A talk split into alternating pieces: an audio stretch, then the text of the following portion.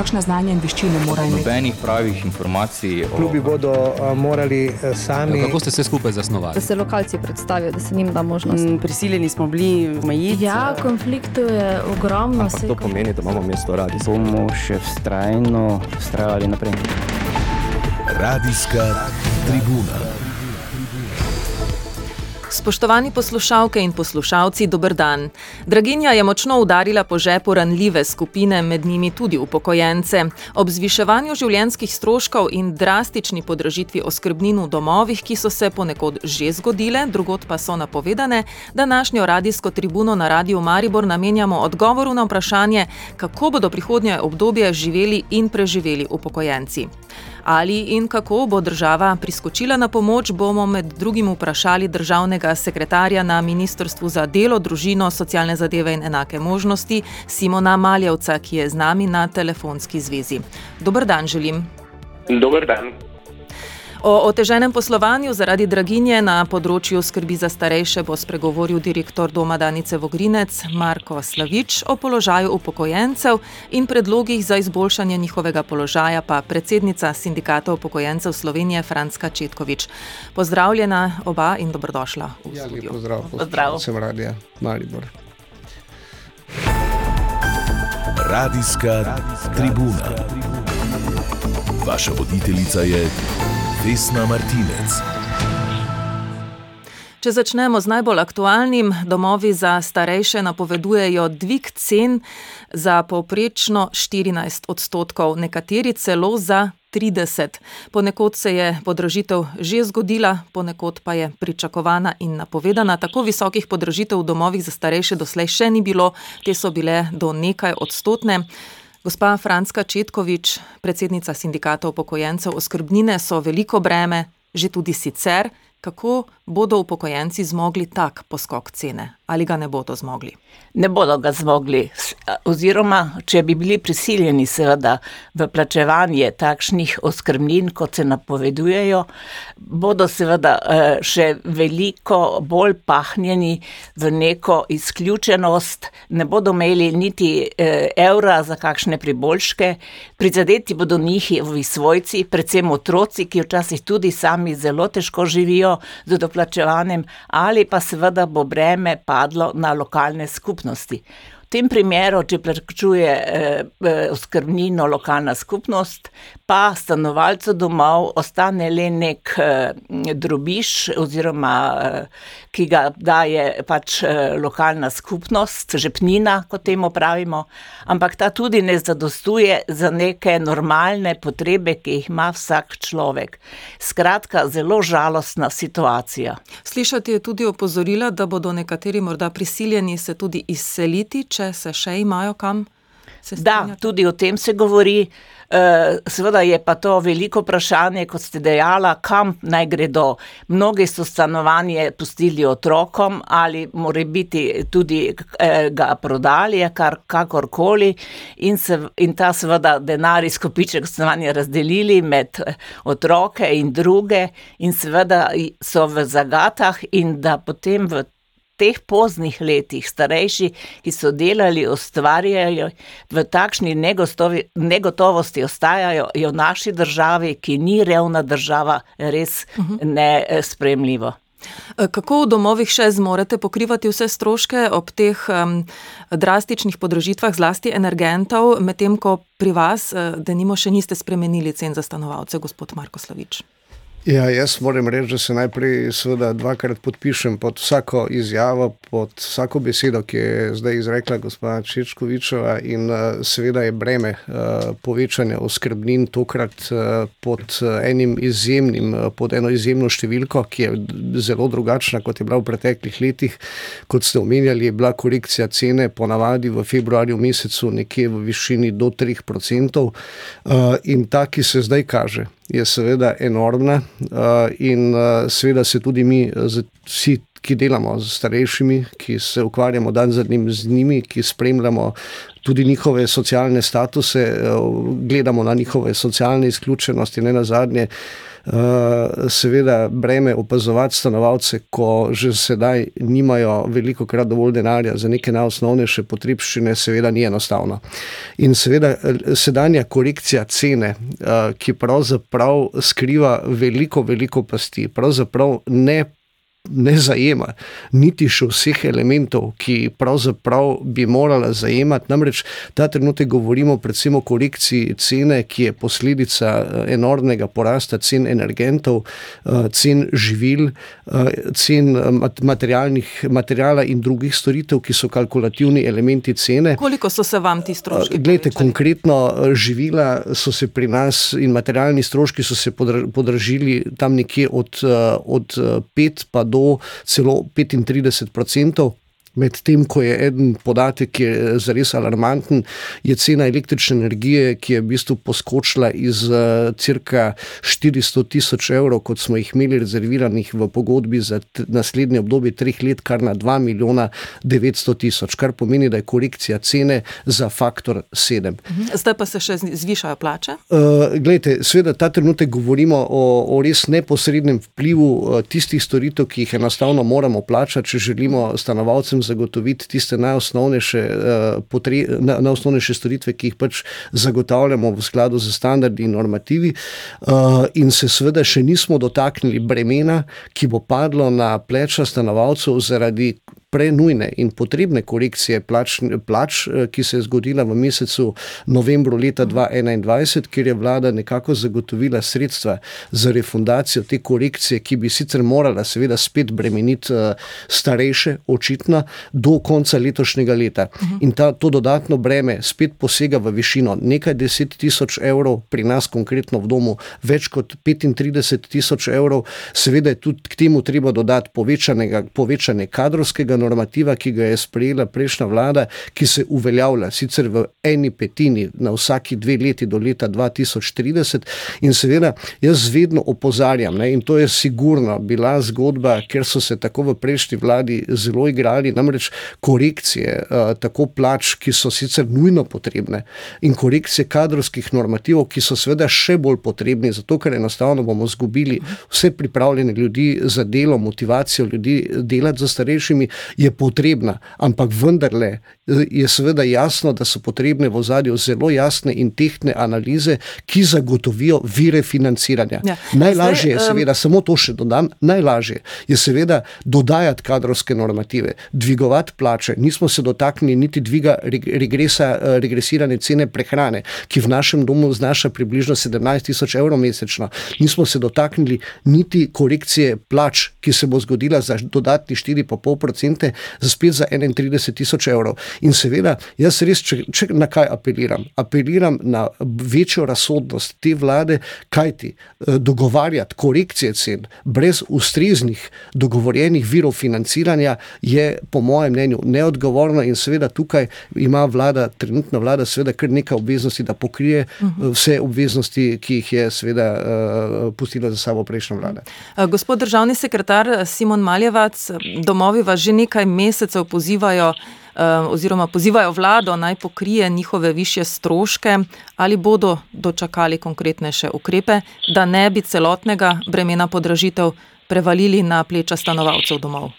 Ja, eh, bodo. Eh, na ministrstvu za delo se zavedamo problematike dviga oskrbnin. Redno smo na vezi tudi domovi za starejše in skupaj iščemo rešitev. Na ministrstvu smo nekatere predloge konkretne podali tudi na vlado in so na vladi trenutno v obravnavi. Tema oskrbnin je redno obravnavana na svetu za draginjo, tako da lahko rešitev pričakujemo k malu. Bi pa še povdaril, da del sredstev za naslovitev tega problema uh, smo že rešili v novelu, noveli zakona o dolgotrajni oskrbi. Uh, tam je bilo zagotovljeno 30 milijonov uh, evrov, uh, ki bi naslovilo uh, dvig plač v domovih za starejše, uh, vendar so, to, so ta sredstva zaradi uh, referenduma nažalost trenutno blokirana. In v katero smer bo šla ta rešitev, ki ste jo napovedali, da bo k malu? Uh, bi potem teh 30 milijonov vseeno dodatnih našli v proračunu ali kako? Uh, ja, tako kot rečeno, to je samo en del uh, problematike, s katero se soočajo domovi za starejše. Kot je bilo povedano, uh, prihaja do dviga tako uh, materijalov in storitev, uh, in pa tudi uh, še uh, drugega naslova plač. Tako da vse te tri točke skupaj obravnavamo in iščemo, kako bomo naslovili. Zdaj, eh, nekateri domovi so že um, podražili oskrbnino za stanovalce, nekateri avgusta, nekateri septem, septembra, nekateri pa še čakajo, kaj uh, bo naredila država. Kako dolgo naj še čakajo? Uh, tako, uh, zelo kmalo bo odgovor, uh, kako bomo naslovili ta problem oskrbnin v prihodnjih tednih. Kaj pravite, gospod Slavič? No, jaz eh, lahko rečem le to, da vem, da rešitev tega problema eh, absolutno eh, ni enostavna. Eh, v bistvu kalkulacija, ki sem jaz naredil, je dejansko nekako taka, da dejansko država potrebuje ta trenutek urgentno teh 30 milijonov evrov, s katerimi bi ublažile eh, korekcije pač teh cen. In seveda gospodu Maljcu in vsem, ki seveda to zelo dobro poznajo, lahko povem le to, ne, da pač eh, eh, nažalost ne smo na področju uh, skrbi za starejše, uh, proti temu, čemu se tudi jaz jasno uh, nekako usmerjam in sem zavezan, seveda vzpostavili en tržen sistem. En tržen sistem, logiko, ker seveda domovi ta trenutek delajo kalkulacije, kdo bo seveda v lokalnem okolju prvi, kdo bo pred prihajajočimi lokalnimi volitvami zadnji dvignil, dvignil cene v domovih. Vsekakor pa ta trenutek lahko rečem, da je to nujno potrebno in uh, vsekakor tudi naš dom, ki ta trenutek cene še ni dvignil, izključno in je ni predlagal v obravnavo na svet doma, izključno zaradi neke subtilnosti in razumevanja problematike starejših, pa vendarle v prihodnjem mesecu enostavno plač eh, v takem obsegu več ne moremo izplačati. Torej, eh, to pomeni, da v bistvu enostavno ob eh, takšnih korekcijah, kot sem jih prej navedel, enostavno poslovati več ni mogoče, zato res en jasen apel na vlado, na ministrstvo, da se seveda ta zadeva ne rešuje v naslednjih dveh tednih, ampak enostavno pred izplačilom naslednjih plač moramo imeti informacijo, kako naprej. -huh. Torej, novembra bo pri vas podražitev, če ne bo injekcije? Definitivno, gledajte, eh, v bistvu pravilnik o metodologiji za izračun cen socialno-varstvenih storitev nedvoumno, ne samo da predvideva, zahteva od vodstev domov, da kadar se kalkulativni elementi za izračun cene, to so pa materijali, storitve, eh, to, kar smo že prej omenjali in seveda strošek dela kot ključen, podražijo za toliko, da vplivajo na rast cene oskrbnin več kot za 3%, da je ne samo prav, ampak dožnost poslovodstev, ker seveda sicer lahko domovi zabredemo v zelo velike probleme, v resne težave, v nekvalitetno oskrbo, v zagotavljanje ustreznih materijalov in storitev. Predstavljate si samo, da ta trenutek ne podpišem kakršne koli pogodbe za dobavo hrane, za dobavo elektrike, torej za, za torej plačilo elektrike, če ostanejo računi odprti, seveda postane zadeva torej neodgovorna tudi strani vodstev. Tako da v bistvu, če tega ne bo. Strošek je za elektriko. Uh, ja, jaz seveda. Bi vam lahko tu država kako prišla naproti, da bi blažila posledice teh podjetij? Jaz, regulatorjev, elektrika je en, samo en segment. Ne? Seveda, prej smo omenjali tako materijale materijale, storitve, omenjali smo strošek, ki se povečuje zaradi povečanja plač, zaradi uveljavljanja novega kadrovskega normativa, zaradi s prvim, prvim 2023 zaradi prenosa bremena, korekcije plač na očitno na na, na domove, eh, je v bistvu enostavno eh, nemogoče, nemogoče pričakovati, da bi električna energija sicer lahko deloma vpliva na, na znižanje cene eh, oskrbe, ne pa v taki meri, da bi se v bistvu ta, bom rekel, povišala manj, če ne bo, kot, kot pričakujemo, če ne bo ustreznega korektiva strani vlade in resornega ministrstva. Gospod Maljevac, ali bi lahko tudi domovi imeli regulirano ceno elektrike? Ja, pa niže dajatve? Ja, kot je bilo izpostavljeno, v bistvu situacija od doma do doma zelo uh, različna, tudi kar se tiče uh, energentov. Tako da jaz mislim, da sam ta ukrep ne bi bil dovolj. Um, jaz mislim, da je naloga te vlade in tudi našega uh, ministrstva, da najdemo neke druge rešitve, ki bodo širše naslovili problem dviga oskrbnin. In ravno to je tisto, kar iščemo in katere predloge smo iz strani ministrstva že podali na vlado. Na vlado. Uh -huh. Tudi v sindikatu upokojencev ste na vlado naslovili več predlogov, kako bi oskrbnine v domovih naredili bolj dosegljive, pa tudi sicer kako bi izboljšali finančni položaj starejših. Kaj konkretno predlagate, gospa Četkovič? Mi že nekaj let opozarjamo vse vlade, da bi seveda morali za ceno oskrbnin oziroma višino oskrbnin oskrbnin v domovih, so, eh, kjer so koncesionari, eh, lastniki, da bi ne bi smeli v ceno uračunavati nadomestila za vložena sredstva. Menimo, da to mora biti strošek eh, države, proračuna, sej tudi za javne domove mora za obnovo širšo, za gradnjo domov poskrbeti država. In to se pravi, da stanovalci domov, kjer so koncesionari, so neenakopravni pravnem položaju, se morajo seveda zaradi tega plačevati eh, više oskrbnine. Eh, finančni položaj, socialno-ekonomski položaj starejših je težak. Pred časom, mesec dni nazaj, smo obravnavali analizo eh, o socialno-ekonomskem položaju starejših, ki je na predlog, naš predlog, potem spis predlagal in je bila narejena. Eh, in je ugotovljeno, da je dohodkovni položaj starejših slabši, kot je položaj vseh ostalih. Posebej so izpostavljene samske ženske vdove. Mi že vrsto let tudi na to opozarjamo. Predlagali smo že leto in več nazaj spremembo sistema ureditve varstvenega dodatka. Varstvenega dodatka ne prejmejo upokojenke, upokojenci, ki so um, mlajši od 63 oziroma 65 let. Predlagali smo, da ni vezave na premoženje in da ni obveze, da otroci morajo seveda podpisovati uh, obveznost, da bodo plačevali stroške ali domovih ali kako drugače za starejše. Eh, in seveda je potem tudi ob dediščini to obremenjeno. Zato mnogi starejši ne sploh ne zaprosijo za varstveni dodatek, oziroma imamo žalostne zgodbe, ko jim otroci tega ne dovolijo. In menimo, da bi seveda ta problem morali rešiti tako, kot smo predlagali. Sedaj, trenutno, do februarja, bo ta uh, uh, uh, uh, veljavo uh, ureditev varstvenega dodatka, da se ne veže na premoženje in nekatere druge. Ampak kako starejši mu rečemo, zdaj do februarja, tako potem pa bomo videli. Mislim, res ena negotovost in zelo v obupnem položaju se postavlja starejše. Predlagate tudi 13. pokojnino? Da. To smo predlagali, zato ker dejansko se je ta letni dodatek, ki ga sicer nobena vlada tudi kot sistemsko reditev ne spoštuje, ampak z zakonmi letnimi odvrševanju proračuna to seveda ureja po eh, svoji zamisli. Letos imamo spet predlog za pet razredov in smo menili, da bi morali tako kot v sosednjih evropskih državah tudi v naši državi preiti od tega sistema na 13. pokojnino, seveda kar nas je. Žal mi je, ampak res mi je žal, da je Luka Mesec tako grobo na zavrno, da niti niso bili pripravljeni iti na dialog na to ureditev. Saj tudi OECD rekel, da je letni dodatek več zastarela institucija. No, ampak... In prihodnje leto bo višji za 5 evrov. Kako komentirate to višino?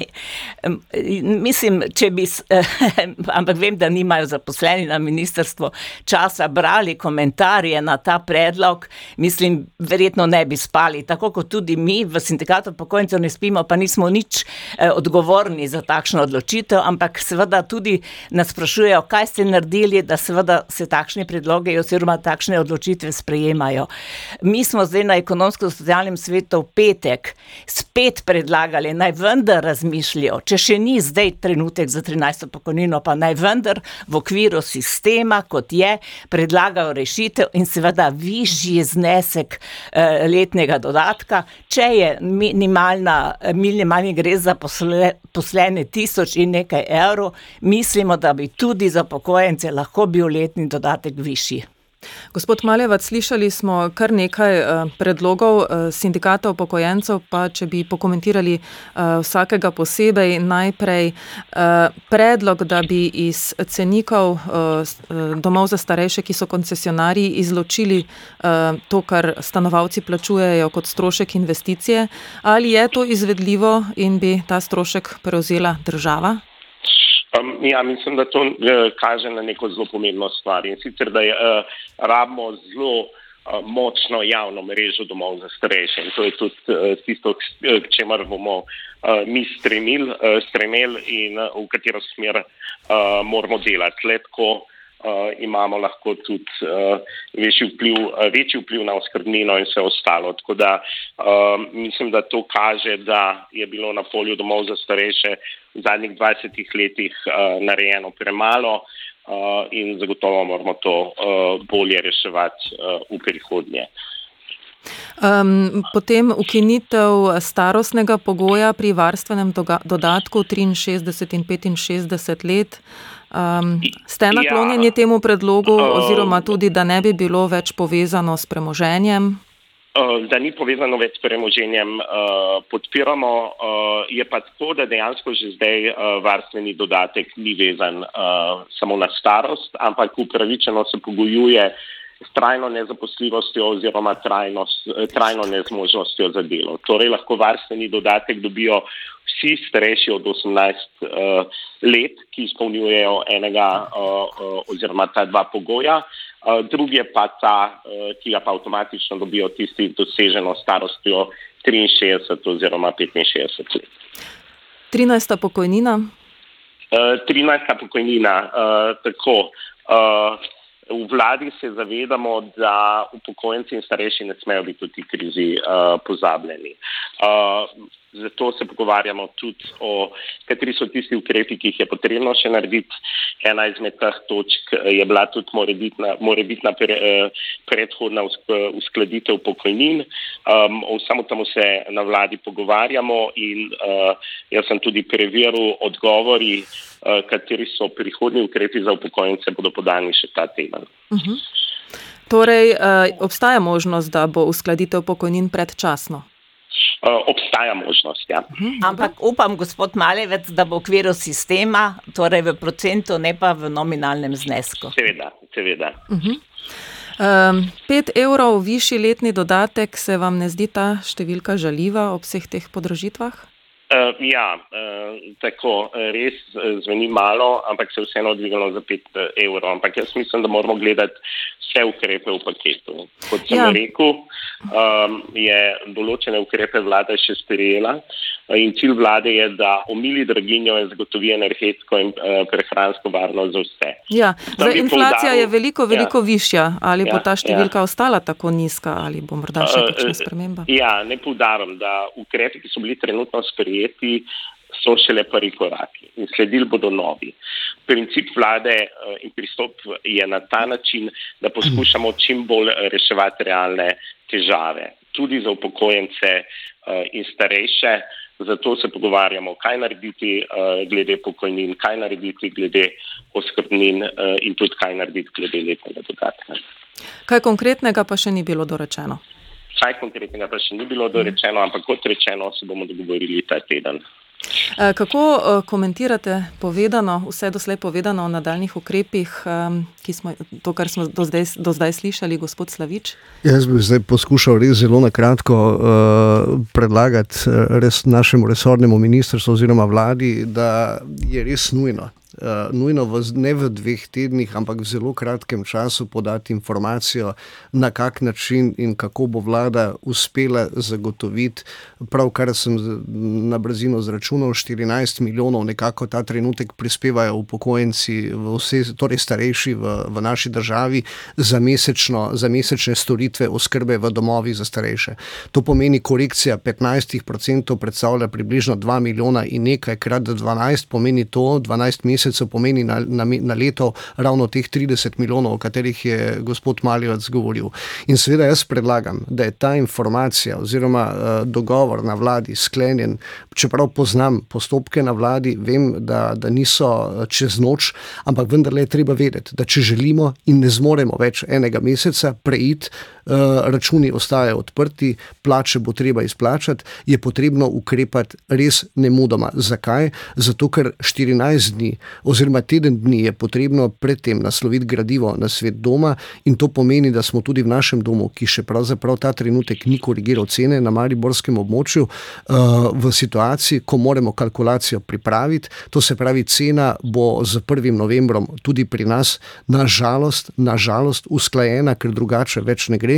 In če se želimo izogniti kaotičnemu stanju na trgu, ko eni domovi dvigujejo cene, drugi jih ne, zaradi tega, ker je treba vedeti, da seveda imamo na trgu ta trenutek tudi multinacionalke, ki delajo v zelo različnih branžah, tudi na področju zdravstva, seveda v, in, in so to njihovi main biznisi main, in seveda zelo lahko neke rezerve transferirajo začasno v področje, kjer v bistvu pač ta trenutek sredstev primankuje in prihaja do zelo velikih nesorazmerij. In če država želi ta trenutek preprečiti eno kaotično stanje in neusklajenost dvigovanja uh, cen po državi, predlagam res hipno ukrepanje, ker tako kot sem povedal, mi moramo v tem tednu podati uh, predlog na svet doma, da se cene tudi pri nas, žal, s 1. novembrom korigirajo. Gospa Četkovič, kako ste vi zadovoljni s povedanim? No, jaz res upam, da bo vlada zelo hitro sprejela sklep, in da se bo seveda v domovih za starejše vedelo, eh, kako se obnašati, in da seveda ne bo prišlo do eh, ne, nekih dvigov cen, ki bi lahko bili preprečeni. Eh, kar se tiče letnega dodatka, jaz še vedno apeliram na pristojno ministrstvo, na vlado, da razmisli o tem predlogu, ki je v zakonu o izvrševanju proračuna in da ga spremeni. In seveda, da pričakujemo, izredno uskladitev pokojnin, redna bo v februarju, tako kot veleva zakon. In mislim, da nič ne bi upokojencem naredili dobrega, če bi pač dva meseca prej redno uskladili pokojnine, ker seveda bodo prikrajšani za. Uh, uh, Povišanje pokojnin, glede na rast cen, inflacijo in vse, kar se dogaja. Hvala lepa vsem za ta pogovor in za vsa pojasnila. Državni sekretar Simon Maljevac in eh, lep pozdrav Ljubljano. Hvala. Zahvaljujem pa se tudi gostoma v studiu, Franska Četkovič in Marko Slavič, za ta pogovor. Hvala tudi vam za povabilo. Če ste oddajo o tem, kako naj bi reševali slab položaj starejših po valu podražitev um, preprečili, uh, lahko eh, že k malu ponovno prisluhnete oddaji na spletu in pa med podcasti. Hvala za pozornost in lep preostanek do povdneva želim. Radijska tribuna. Na radiju Maribor.